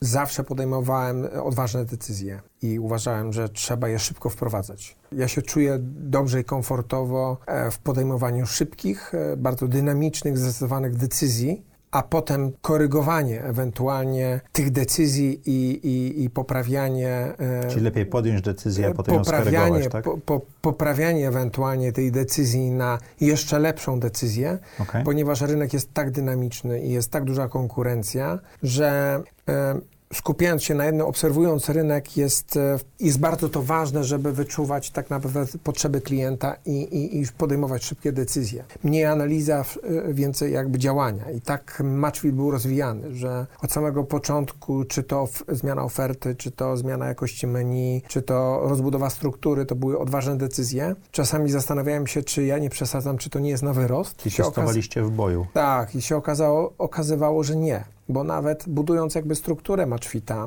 ja zawsze e, wiedziałem, że ja nie jestem najlepszy w tym, e, w tym, co robię, są lepsi, ale też moje działanie e, również może, e, może być e, wsparte wiedzą innych. Więc ja za, y, mając jakby, budując Matchfita, zatrudniałem ludzi z różnych, z różnych obszarów y, biznesu, głównie gastronomicznego, którzy mieli do czynienia z korporacjami, z procedurami, z zasadami. Dzięki temu udawało mi się w tak dużej, dynamicznej skali y, produkcji żywności, bo, bo, to, bo to chodzi głównie o produkcję żywności, utrzymać standard, jakość Czyli i szukałeś rozwój. najlepszych ludzi na rynku do tego, co potrzebowałeś? Szukałem ludzi, którzy po prostu wniosą pewien know-how i nauczą innych tego, Okej. czego się nauczyli w innych firmach. Na, na tym akurat Czyli ludzi, którzy byli w produkcji, ludzi, którzy mieli tego typu W doświadczenia, tak? produkcji, w marketingu, w gastronomii, Mhm. zarządzali większą ilością miejsc, ludzi, personelu, wiedzieli na czym polegają standardy, na czym polegają receptury, produkcja, standardy produkcji i utrzymanie jakości, bo to, to, to nie ważne. sztuka, ale właśnie Tak, tak. jakość. W tym nie było żywiołu, tak? Okej. Żywioł i można powiedzieć i, i działanie było w podejmowaniu bardzo takich odważnych decyzji inwestycyjnych, no bo Matchfit od samego początku to jest inwestycja w ludzi, inwestycja w marketing, inwestycja w transport, logistykę. My jesteśmy w tej chwili w ponad 1400 miejscowości w Polsce, a przez pół roku ja nawet bałem się zaglądać w PNL-a, co tam się dzieje, jak ten bus jeden jeździ do Wrocławia z dwiema paczkami codziennie. No ale, no powiedziało się A, to trzeba powiedzieć B, skoro Bo, sprzedaje... bo, bo nie zarabiał na siebie. Tak, no skoro dieta pudełkowa i Matchfit sprzedaje się w Warszawie, to musi się sprzedawać we Wrocławiu, więc ja Mhm. zakupiłem, stworzyłem własny transport Intercity. Czyli zrobiłeś swoje, swoją flotę. Tak, tak, nie mając do tego jakiegoś specjalnego biznesplanu. Okej. Tylko wiedziałem o tym, że skoro sprzedajemy tu, to i będziemy sprzedawać we Wrocławiu, w Krakowie. Czego żadna firma chyba w Polsce jeszcze nie zrobiła wtedy. No, wtedy były firmy, e, które t, transportowały trzy razy w tygodniu, natomiast ja się uparłem, że to po prostu Codziennie. musi być codziennie. Codziennie i też ten system zamawiania z dnia na dzień, że dzisiaj zamawiasz, jutro masz, e, tak zwane day by day, był też takim odważnym, dynamicznym ruchem, który polegał trochę na budowaniu sztucznej inteligencji, czy, czyli pro- e, planowaniu takim, tak, nienaturalnemu planowaniu ilości zamówień, tak? A to byłeś w stanie zrobić zakupy, jak ludzie w ostatniej chwili Tak, no zamawiali? niestety to był, to był, to był trudny, tru, Okej. tru, tru, tru, trudny czas. To jest też taki pewien know-how naszej firmy, Mhm. który przez lata wypracowaliśmy. No ale też konkurencja do tego poziomu też y, w jakiś tam sposób doszła. Może nie aż takiego wysokiego, ale jednak mamy konkurencję fajną i, rynek się mocno W rozrasta. którym momencie stwierdziłeś, że potrzebujesz inwestora i dlaczego? Czy to może inwestor pojawił się u ciebie i stwierdziłeś, że to jest dobry moment? Można powiedzieć, że trochę byłem do tego y, przez dłuższy czas namawiany. Od, odzywały, y, odzywały się do mnie fundusze inwestycyjne bezpośrednio e, z zapytaniem, e, czy chciałbym mm, nawiązać współpracę. Ja tak naprawdę nigdy nie byłem tego pewny, nie miałem też takiej wiedzy jako przedsiębiorca, co to jest private equity, czy w ogóle fundusz strategiczny, fundusz finansowy. Nie, nie, nie zagłębiałem się w ten temat. Zawsze było to dla mnie, e, patrzyłem na to z dużym dystansem. Można powiedzieć, że się trochę tego obawiałem, bo jednak jestem indywidualistą, sportowcem, wolałem być zawsze sam i jednak ta dynamika rozwoju, ona pomagała mi tak jakby w szybszym tempie dochodzenia do pewnych rzeczy, nie pytania się kogoś innego o zdanie. Ale było paru fajnych, mądrych ludzi, którzy też chcieli oczywiście zrobić na tym biznes, ale którzy w odpowiedni sposób no, namówili mnie do tego, żebym jednak spróbował. Jednak spróbował po prostu z tym matchfitem wyjść na rynek, bo może będzie ktoś, kto się trafi, kto, kto zrozumie ten biznes tak jak ty i pomoże ci się bardziej rozwinąć. I to tak, się udało. I tak się udało. To tak. było Resource Partners, czyli Tak, Piotr Noceń, tak, który był tutaj gościem Można audycji. powiedzieć tak, taka ekipa Kingsmenów, czyli, czyli ja to ich nazywam mm, dużej klasy agentów private equity o, a można powiedzieć o dużym, o bardzo wysokim poziomie e, dżentelmeństwa Okej. biznesowego, którzy tak naprawdę bardzo dobrze znali się na tym, co, Co robią? co robią. Tak, tak. Mhm. Także wiele się nauczyłem, bo to był taki okres, w którym Maszwit z firmy, z biznesu gastronomicznego stał się biznesem technologicznym, e-commerce'owym. I to jest jakby ten czas tej przemiany, przejścia z Matchfita w Matchfit Foods. I w tym, pod- pomóż, w tym, po, pod- w tym pomógł tak, fundusz? pod, pod, pod, pod, można powiedzieć, pod wielkim wsparciem takim e, projektowym resursów. I, i, I jakby to mi też otworzyło oczy na to, Czyli wyszedłeś poza produkcję, jakość i tak dalej, zacząłeś też, czy też firma zaczęła patrzeć na całą, e, całą, cały łańcuch wartości, prawda? Tak, tworzenia struktury, tworzenia jakby sprzedaży, tworzenia marketingu, inwestycji w rozwój, e, zastanawiania się nad, nad w ogóle całym rynkiem, nad przyszłością firmy, tak, inwestycją w ludzi. To były zdecydowanie odważniejsze jeszcze. Byłem zawsze odważny, ale dzięki nim jeszcze bardziej odważnie jakby podejmowałem decyzje. To, to, to był naprawdę super wspaniały czas. Czy miałeś dobre wsparcie i- Tak, i, i tak, dzięki tak. temu rozmach był większy, tak, Tak, tak. Czego nauczyłeś się z tego procesu?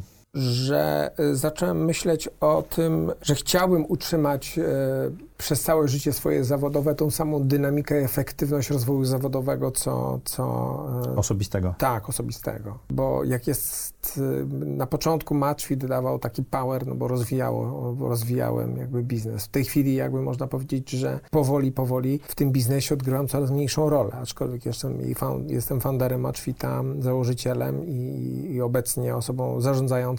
Natomiast to, że, że, że jakby dzięki właśnie współpracy z takim funduszem biznes bardzo jest w stanie się dynamicznie zmieniać, że napędzać, że tak naprawdę dzięki temu w przyszłości ta marka, którą stworzyłem, nie tylko może opierać się o samą dietę pudełkową, ale może odegrać istotną rolę w ogóle, w, w, można powiedzieć, w, szerzej, jeśli chodzi o rynek cały foodowy i produkcyjny. I wydaje mi się też, że, że dzięki temu, że tak poważne firmy się tym biznesem e, zainteresowały, to też miało jakieś tam przełożenie w ogóle zainteresowanie rynką, ka- e, rynkiem, kategorią i w ogóle też e, klienci inaczej na to patrzą, że jednak jest to bardzo efektywne. Czyli w kilkanaście lat z prowadzenia własnej agencji eventowej, gdzie byłeś poniekąd produktem i zarządzającym, prowadzeniu biznesu usługowego ze szkłem, prowadzeniu restauracji, stajesz się przedsiębiorcą, który prowadzi konglomerat żywieniowy? No można tak powiedzieć. Nie wiem, jak to lepiej nazwać, tak? Tak, tak. I to i chciałbyś utrzymać tą ścieżkę rozwoju, bo to bardzo, bardzo mm, e, pionowa linia, prawda? No jest pionowa, rynek jest bardzo... Ja mówię o tobie, o, o tobie jako o sobie. To, no zobaczymy, to jest właśnie ciekawe pytanie, bo ja zawsze się zastanawiam, co to będzie za rok i ten, Mhm. zawsze to za rok, to się okazuje, że, że jest dużą niespodzianką, że się nigdy tego nie spodziewałem, że znajdę się w tym miejscu, w którym jestem i plany są takie, że chciałbym, żeby ten matchfit, który stworzyłem, on się dalej dynamicznie rozwijał i był, można powiedzieć, w jakimś tam sensie liderem rynku, czy firmą, który, z której bierze się przykład. To jest fajne i trzeba podchodzić do tego kreatywnie, ale chciałbym, jeśli nawet może nie chodzi tutaj o Moszwita, ale w ogóle o mój własny rozwój. Jest jakiś sufit? Na razie go nie widzę. Przynajmniej nie widzimy tego wszyscy, cały team. Matchfit został zakupiony, większościowy pakiet przez Żabkę. Co dalej?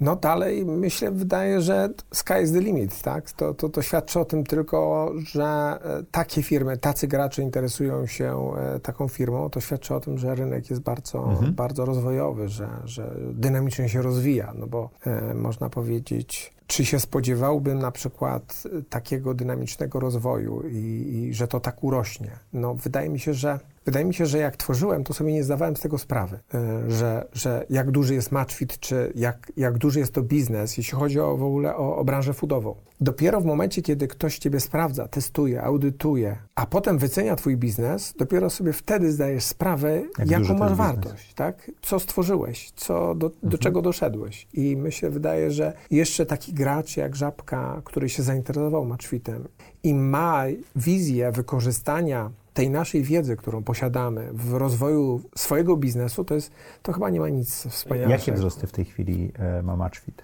Z miesiąca na miesiąc, czy z kwartału na kwartał?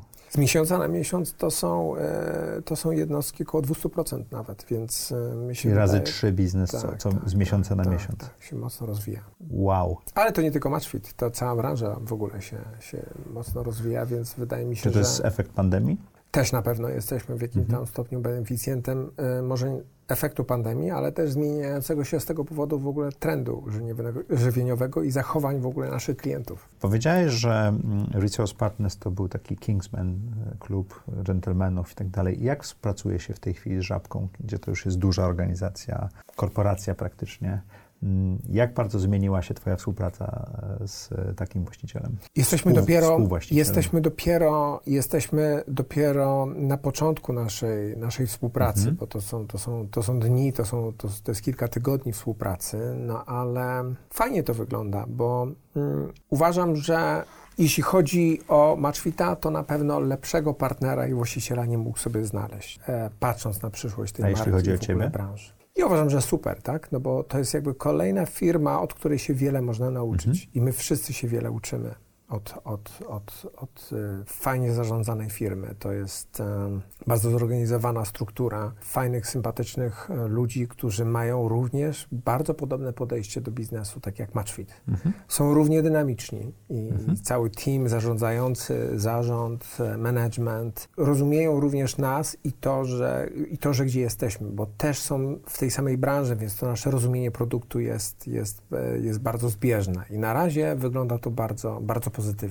Jaka jest przyszłość przed Matchfitem w tej chwili, przy takiej inwestycji, przy takim rozwoju? Kierunki rozwoju to? Kierunki rozwoju, no to, to tak naprawdę my się znamy na gotowaniu. My jesteśmy fachowcami od produkcji żywności. Uważamy, że, że, że jesteśmy w tym dobrzy, szczególnie w tej żywności takiej z dnia na dzień, tej świeżej, która musi mieć po prostu odpowiednią jakość, odpowiedni smak. I mam nadzieję, że, że nasz obecny właściciel, partner, właśnie z tego powodu jakby wybrał nas i, i wierzy w nas, w naszą przyszłość, tak? Więc e, nie wydaje mi się, żebyśmy robili coś innego oprócz, oprócz, oprócz jedzenia, dobrego jedzenia. Pięć lat y, twoje, twoja firma urosła z kilkunastu osób w restauracji do ilu osób w tej chwili w Matchficie? No prawie pół tysiąca osób. Do pół tysiąca osób. Jakie to było wyzwanie dla ciebie jako przywódcy, lidera, menadżera takiej e, bardzo szybko rosnącej grupy ludzi? Ja wrócę jakby do tego czasu, tego czasu sportowego, że jednak ja tego tak jakby nie analizuję. Ja, ja jakby podchodzę do tego właśnie jak do, do, do, do bardziej challenge'u i, i dopiero zdałem sobie sprawę ostatnio właśnie przy, Patrząc przy, wstecz, tak? Patrząc wstecz, jaką, jaką stworzyło się wartość, tak? Mhm. Ale ta wartość tak naprawdę zbudowana została też przez, okej, przez moje decyzje i przez moją odwagę, ale też przez e, ludzi, którymi się otaczałem też, e, którzy pomagali mi w jakiś tam sposób uwierzyć w ten biznes i napędzali mnie do, do tego biznesu, no bo nieraz... e, My mamy taki zwyczaj, że co, co tysiąc pakietów jemy wielki taki tort, który zawsze nazywamy tysiąc kalorii, dwa tysiące kalorii, trzy tysiące kalorii. Był taki moment, w którym nawet ostatnio w ciągu miesiąca mieliśmy trzy torty, więc, więc y, bardzo się to dynamicznie, e, dynamicznie rozwija, ale niewątpliwie odwaga, ale też odpowiedni team i odpowiednia struktura firmy pomogła mi jakby dojść do tego poziomu. To jakimi ludźmi się otaczasz? Na pewno największy wpływ ma, ma, ma w moim życiu moja, moja, moja rodzina, moja żona, Mhm. moi rodzice, a tak naprawdę otaczam się ludźmi, którzy nie marudzą, którzy Okej. są pozytywni, no i tak naprawdę, którzy są aktywni sportowo, bo jednak ta energia, która jest, wywodzi się ze sportu, powoduje, że, że, że, że człowiek jest w stanie trochę odreagować i, i uwierzyć we własne siły i, i w dalsze działanie. Można powiedzieć, że całe życie moje jest wokół sportu i zawsze każde zebranie czy spotkanie z pracownikami zaczynam od, od, od jakiejś anegdoty związanej ze sportem że, i z challenge'em, z zawodami, które mamy, można powiedzieć, na rynku diety pudełkowej. Że przed nami kolejne wyzwanie i kolejny pomysł, w który musimy wejść, a potem zacznijmy się zastanawiać, co z tego będzie, ale, ale tak mi mówi e, moja intuicja, że powinniśmy to zrobić. W 2017 roku wróciłeś do rajdów, bo zawiesiłeś to na dłuższy czas. Jakie to jest uczucie? Znowuż się ścigać? No, to jest zupełnie co innego e, niż kiedyś. 10 lat e, przerwy w jeżdżeniu spowodowało, że jeszcze wtedy, w 2007 roku byłem sam. Nie miałem rodziny i było inaczej. Potem Mhm. się okazuje, że jak już jest rodzina i wsiada się do tej rajdówki, pędzi się prędkością 200 na godzinę między drzewami, że jednak ma się duży biznes, można powiedzieć, na plecach. Jednak e, e, zupełnie człowiek o, o czymś innym myśli. Ryzyko i odpowiedzialność tak, wtedy myślałem o sekundach, w tej chwili już myślę o, o życiu przy tych 200 na godzinę. ale... Jak drzewa przemykają tak, przez lusterkach, tak, tak? tak? Ale, ale, ale wróciłem, czyli spełniłem to, co sobie za, za, zaplanowałem, zaprojektowałem. W mhm. tym 2007 roku postanowiłem koniec. Kiedyś wrócę do rajdów. Ale nie teraz nie teraz, muszę zająć się biznesem, wrócę do rajdów wtedy, kiedy będzie mnie po prostu stać na to hobby, jako hobby. No i wróciłem. I, mogę... I to jest hobby. I to jest hobby, tak, zdecydowanie. Spełniam swoje marzenia, czyli wsiadam w samochody, o których kiedyś marzyłem, i, a teraz mam możliwość I nie musisz gonić sponsorów, tak? No to powiedzmy. Natomiast... E, e, nie ma takiego miejsca, chyba takiego zajęcia w życiu, w którym nie myślę o pracy. Bo jednak gastronomia, tak jak wspomniałem, to jest biznes, w którym się jest cały czas w pracy. Szczególnie jak się ma restaurację czy ma czwita, w którym produkcja jest w niedzielę, w nocy, praktycznie 7 dni w tygodniu. A sport i rajdy to jest sport, w którym którym, e, w którym jak wsiadasz do rajdówki i włączasz maszynę startową i ruszasz na te kilkanaście sekund, nie jesteś w stanie o niczym innym myśleć, tylko o drodze. Ty możesz wyłączyć to wszystko. Tak, wyłączyć. Po takim weekendzie rajdowym, po takich dwóch dniach jestem wyczerpany. Schodzi ze mnie bardzo dużo wody, spalam tak, adrenalinę, mnóstwo kalorii, tysiące kalorii, ale jestem tak wypoczęty psychicznie jak po niczym innym. Dlatego, że możesz wyłączyć wszystko inne, tak, co się dzieje w swojej tak. głowie, tak? Dlatego jak wracam... Medy medytacji. Tak, trochę tak. Jak wracam po rajdzie w poniedziałek do pracy, to mam bardzo dużo energii. Pomimo tego, że jestem wypompowany fizycznie, to mentalnie jestem super przygotowany. Powiedziałeś, że zdrowy tryb życia i sport są dla ciebie ważne. Jak wygląda twój typowy dzień? Mój typowy dzień jeszcze jest taki um, dość, e, dość wczesny, to znaczy ja wstaję o piątej. Zostało mi to jeszcze z tych czasów e, początku gastronomii, gdzie tak naprawdę robiłem wszystko sam i trzeba było bardzo wcześnie wstać, żeby zrobić wszystko przed wszystkimi, wszystko przygotować, żeby mieć czas na inne rzeczy związane z rozwojem biznesu. Wstaję o tej piątej godzinie, jem śniadanie, oczywiście śniadanie maczwita, bo to jest e, dość istotne. Ja, ja, ja, czy będzie maczwit, czy nie będzie maczwita, uważam, że nie jestem w stanie do końca życia rozstać się z dietą pudełkową. To jest... To, jest, to już zostało ja, Tak, to nie widzę innego sposobu. Natomiast e, wstaję o piątej, jem śniadanie, e, idę na trening zawsze na godzinę szóstą. Mam pięć razy w tygodniu trening e, pod okiem trenera. A co trenujesz? Ja trenuję trening funkcjonalny i boks. Okay. I ja to nazywam teraz rehabilitacją. Ja się rehabilituję, bo po latach uprawiania sportów asymetrycznych, drobne. tenisa, squasha, to tak naprawdę e, w tej chwili ważny jest trening funkcjonalny. I symetria. E, tak, i symetria, boks, który poprawia właśnie jakość mięśni wewnętrznych, to jest, to jest, to jest i taką dynamikę w ciele, no bo lata lecą, więc trzeba jakby e, jeszcze więcej, ciężej pracować, żeby utrzymać zdrową serwetkę. Sześć dni w tygodniu? Jak długi trening? Nie, pięć dni w tygodniu. Pięć dni w tygodniu. zawsze godzinę, półtorej poświęcam na sport codziennie rano, potem wracam, biorę zawsze codziennie lodowaty prysznic, taki, taki lodowaty prysznic, który pobudzi mnie mnie przede mhm. wszystkim, no i, no i pobudzi tą krew. No. Ja, jako sportowiec, który od piątego roku życia uprawia sport codziennie, to ta ilość krwi, która jest przepompowana przez moje serce, musi niestety być przepompowana, żebym ja mógł wejść na swój jakiś tam mhm. poziom obrotów. No i potem przychodzę, można powiedzieć, e, do biura, o której? do Maczwita. Zawsze przychodzę jak 7.40, no i jem drugi posiłek którym jest, zawsze się wszyscy śmieją w Maczwicie, obiad, czyli największy posiłek jem po treningu. Czyli zmieniasz kolejność. Tak, zmieniam kolejność. Zresztą tutaj, e, tutaj nie ma żadnych przeciwwskazań. Jem obiad, tak żeby po prostu o 15.30 zjeść ostatni posiłek. Jem po prostu 15, o 15.30 ostatni posiłek. E, stosuję taką, można powiedzieć, e, dietę matchfit połączoną z intermittent fasting, czyli z długą przerwą mhm. pomiędzy jedzeniem. Organizm po prostu odpoczywa. Czasami jakąś tam lampkę wina wypiję pod wieczór sobie, ale to są też, wiadomo, zdrowe sirtuiny, szczególnie jeśli jest to wino czerwone, więc więc e, Czyli tak masz wygląda 16 dzień. godzin przerwy pomiędzy posiłkami. Tak, tak, tak. No i po tym, po tym obiedzie rano w biurze zaczynam od e, czytania o branży, obserwowania konkurencji. Zresztą jakby swój biznes zbudowałem na tym, że zawsze z rana bardzo często obserwowałem rynek, co się dzieje w ogóle w branży foodowej. E, dzięki temu też e, można powiedzieć moja wyobraźnia i pomysły zawsze zawsze gdzieś wibrowały i, i, i wpadały mm, z dnia na dzień, e, z dnia na dzień. Hamowane przez oczywiście e, ludzi, którzy, którzy, którzy próbowali zawsze mnie e,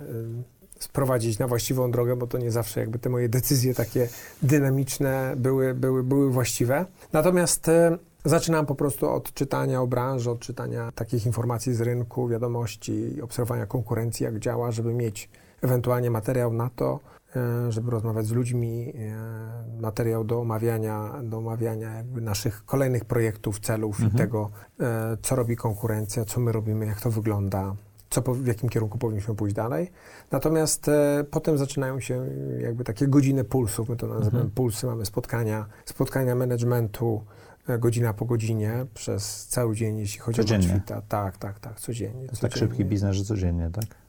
Tak, tak, codziennie. Zawsze ta pierwsza połowa tygodnia jest taka bardzo intensywna. E, zdarza się tak, że e, umówię się e, mm, od czasu do czasu na jakiś lunch czy na, na, na, na obiad z rodziną, ale, ale, ale często jest tak, że dwa, trzy razy w tygodniu odwiedzę restaurację, która jest w tej chwili zarządzana przez, można powiedzieć, jak korporacja, bo to tylko dzięki temu jestem w stanie po prostu w tej chwili mi na nowo utrzymywać na takim poziomie e, i w takim standardzie dzięki temu, że mam naprawdę super ludzi od lat, którzy tam są. Godzina po godzinie e, zebrania, pulsy, no i tak naprawdę trzy razy w tygodniu, trzy razy w ciągu dnia sprawdzam pocztę swoją, a tak to, to poświęcam czas na, na, na spotkania z pracownikami.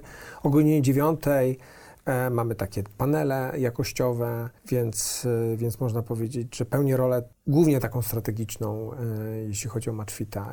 Do której godziny pracujesz? Myślę, że jak mnie nie ma w pracy, to, to moja żona cały czas powtarza, Że dalej pracujesz. że, że dalej pracuję. Tak. To do której jesteś w pracy? A, a różnie. Jestem do 17, do 18, do 19, rzadko kiedy wcześniej, ale tak naprawdę i A wyskakuję. zdarza w- ci się w domu jeszcze potem siedzieć? E, Staram się w domu nie. W domu, e, jak przychodzę do domu, to poświęcam 100% jednak e, rodzinie. To czemu żona tak mówi? Bo tam z tyłu głowy to wszystko się Tak, mieli? tak, bo się zawieszam, bo, bo myślę o tym, Mhm. co powinienem zrobić, zadzwonić. Pamiętajmy, że czy jakikolwiek wolny weekend, czy wyjazd, to jednak ten telefon jest cały czas, jestem pod telefonem i, i dzwonię i nasłuchuję, co się dzieje w firmie. Bycie przedsiębiorcą to praca 24 Tak, 7, tak, prawda? Tak, tak. Szczególnie trzeba pamiętać, że oprócz tego, że kiedyś wstawałem o tej piątej, wracałem o 22, 23, siadałem do komputera, to też trzeba było jeszcze firmę w nocy kontrolować. Mhm. I, i, i, I to jest taki biznes, że o godzinie drugiej dzieje się tyle, tak samo dużo, jak o godzinie drugiej w południe, więc, więc jakby też często y, firmę odwiedzałem w nocy, żeby zobaczyć, jak wygląda standard pracy również w nocy. Okej. Tak, tak, tak mniej więcej wygląda. O której chodzisz spać? 22, 23. Czyli masz te do, dobre Tak, 7 tak. Mam, godzin mam, mam taki, takie urządzenie na, na, na, na nadgarstku, które, które sprawdza moją, mój stopień regeneracji i pozwala mi panować trochę nad tym snem. Mhm. Macieju, czy możesz opisać najlepszą decyzję, jaką podjąłeś w życiu? Najlepszej nie jestem w stanie opisać, ale, ale, ale jednej, dlatego że uważam, że co chwilę podejmuję w- najlepsze Mhm. decyzje, mam takie wrażenie, że każda decyzja, jaką podejmuję, jest lepsza od drugiej. I mogę powiedzieć, że najlepszą decyzją było powiedzenie sobie stop z rajdami samochodowymi, no bo to była taka pierwsza biznesie. decyzja, którą sam podejmowałem Mhm. w 100%. E, Potem twierdziłem, że trzeba wejść w, w gastronomię, choć tak naprawdę z perspektywy nie życzę tego nikomu, e, żeby przeżył to samo, co ja przeżyłem, ale jakoś przeżyłem. Potem, że w ogóle podjąłem decyzję taką mm, dość odważną i wejście w dietę pudełkową, która, która, była, która była czymś kompletnie dla mnie nieznanym. No i potem kolejne decyzje związane właśnie z, ze stworzeniem firmy bardziej komersowej, technologicznej w połączeniu się z funduszem i teraz mi się wydaje, że to się jeszcze okaże. Jaka... I seria decyzji. Tak, to jest seria decyzji. Ja myślę, że, że, że moje życie to są, to jest, to, to jest wiele decyzji bardzo przemyślanych, ale, ale trafnych. I, I cieszę się, że do podjęcia tych decyzji bardzo dużo tracę jakby energii i dużo, dużo czasu temu poświęcam i, i, no, i energii, ale, ale są to trafne decyzje. Co daje ci najwięcej energii czy satysfakcji w życiu? Wydaje mi się, że, że trzy rzeczy. Pierwsza rzecz to, to, to sport. Uwielbiam zmęczenie w sporcie i w ogóle sport, rozmowy o sporcie. I, i to jest taka, można powiedzieć, e, rzecz, która mnie bardzo e, relaksuje. No, przebywanie z rodziną i, i, i patrzenie, jak rozwijają się dzieci. I to, Mhm. jest, to jest coś nieprawdopodobnego. A trzecia rzecz to, to wydaje mi się, że, że pasja, tak? Pasja, praca, to, że, y, że tak naprawdę ta pasja, która była u mnie w moim życiu wpajana od dzieciństwa, jest jakby taką podstawą osiągnięcia w życiu, jakby z takiej satysfakcji. E, Macieju, jaką masz supermoc? Mobilizacji, dyscypliny, odwagi A i działania e, najlepiej w ostatniej sekundzie. Miał, jakbyś miał wybrać jedną z tych rzeczy, to? Dyscyplina. Czy możesz opisać trzy rzeczy, które chciałbyś robić za trzy lata? Tak, ja będę bardzo monotematyczny. Chciałbym uprawiać tylko sport, Już nie biznes? pomagać swoim dzieciom w realizowaniu i projektowaniu ich życia i być na tym samym dynamicznym, e, e, na tym samym dynamicznym e, etapie życia zawodowego, co teraz, choć nie wiem, czy to będzie... Utrzymać trajektorię. Tak, tak, tak. Okej, to mówiliśmy, będzie- że jest bardzo, Tak, tak. bardzo Czy to pionowa. będzie takie proste. Mhm. Czego nauczyła cię kwarantannę? Też pandemia. Nie odejmowanie nogi z gazu, czyli... O, Tak, tak. Czyli wbrew pozorom wydawałoby się, że to jest czas spokojniejszy.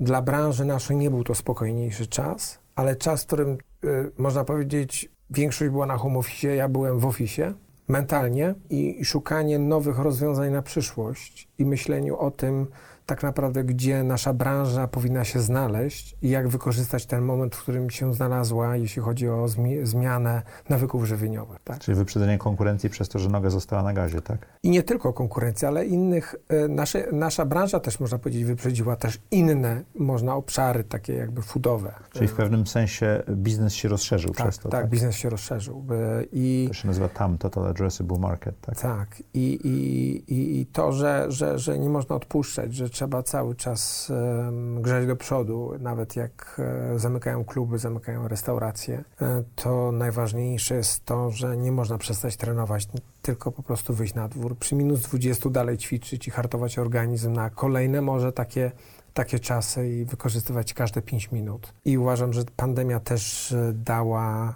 naszej branży większe możliwości, ale też była takim czynnikiem e, motywującym do właśnie myślenia o naszej branży, o, o branży diety pudełkowej szerzej. Nie tylko e, myśleniu o pięciu posiłkach w ciągu dnia, ale może byciu dostępnym do jeszcze większej ilości klientów, którzy może nie mają tylko i wyłącznie potrzeb właśnie żywienia dietetycznego, ale w ogóle żywienia. Książka, która? Ja nie czytam, e, obecnie nie czytam od iluś lat opowieści, autobiografii, ani historii, a, ani fabu. Wolę pójść do kina i tam spędzić się, Mhm. wyłączyć, e, wyłączyć totalnie. Ale bardzo dużo czytam, można powiedzieć, że połknąłem książek, kilkaset książek takich naukowych, e, motywujących, e, biznesowych. Jedna z nich to? I trudno mi jest naprawdę podać najlepszy tytuł, ale uważam, że ja prowadzę taką swoją książkę. Okej. Czyli jakby zapisuję takie naj, najważniejsze myśli swojego, jakby, które, które przeczytałem. Wydasz to kiedyś? Tej, myślę, że taki mam plan, Okej. który, które, które są takimi mądrościami, za którymi po prostu idę w życiu, bo, bo musiałem sobie jakoś w życiu Mhm. Nie miałem psychologa, nie miałem coacha, więc jakby zbieram myśli i je po prostu mądrze w życiu staram się wykorzystać. Jak tylko potrafię oczywiście. A jedna z takich myśli? Życie po prostu smakuje. Macieju, co chciałbyś, żeby nasi widzowie i słuchacze zapamiętali z tej rozmowy? Chciałbym, żeby, żeby słuchali własnej intuicji. Nie tyle słuchali innych, ale siebie. Żeby skupili się na jednej rzeczy i, i starali się też nie skupiać na tym, czego im brakuje i czego chcą, tylko tak naprawdę czego oczekują inni. I podążać za tą intuicją odważnie. A po drodze korygować może, korygować swoje pomysły o kolejne intuicyjne i mądre decyzje. Natomiast e, uważam, że to jest bardzo ważne, czyli odwaga, intuicja, Dziękuję Ci ślicznie. siebie. Też mówiłeś o dyscyplinie, tak? Tak, tak. Tak. Dziękuję Ci ślicznie. Dziękuję bardzo. Dziękuję Wam i jak co czwartek o czwartej zapraszamy do audycji Zaprojektuj swoje życie.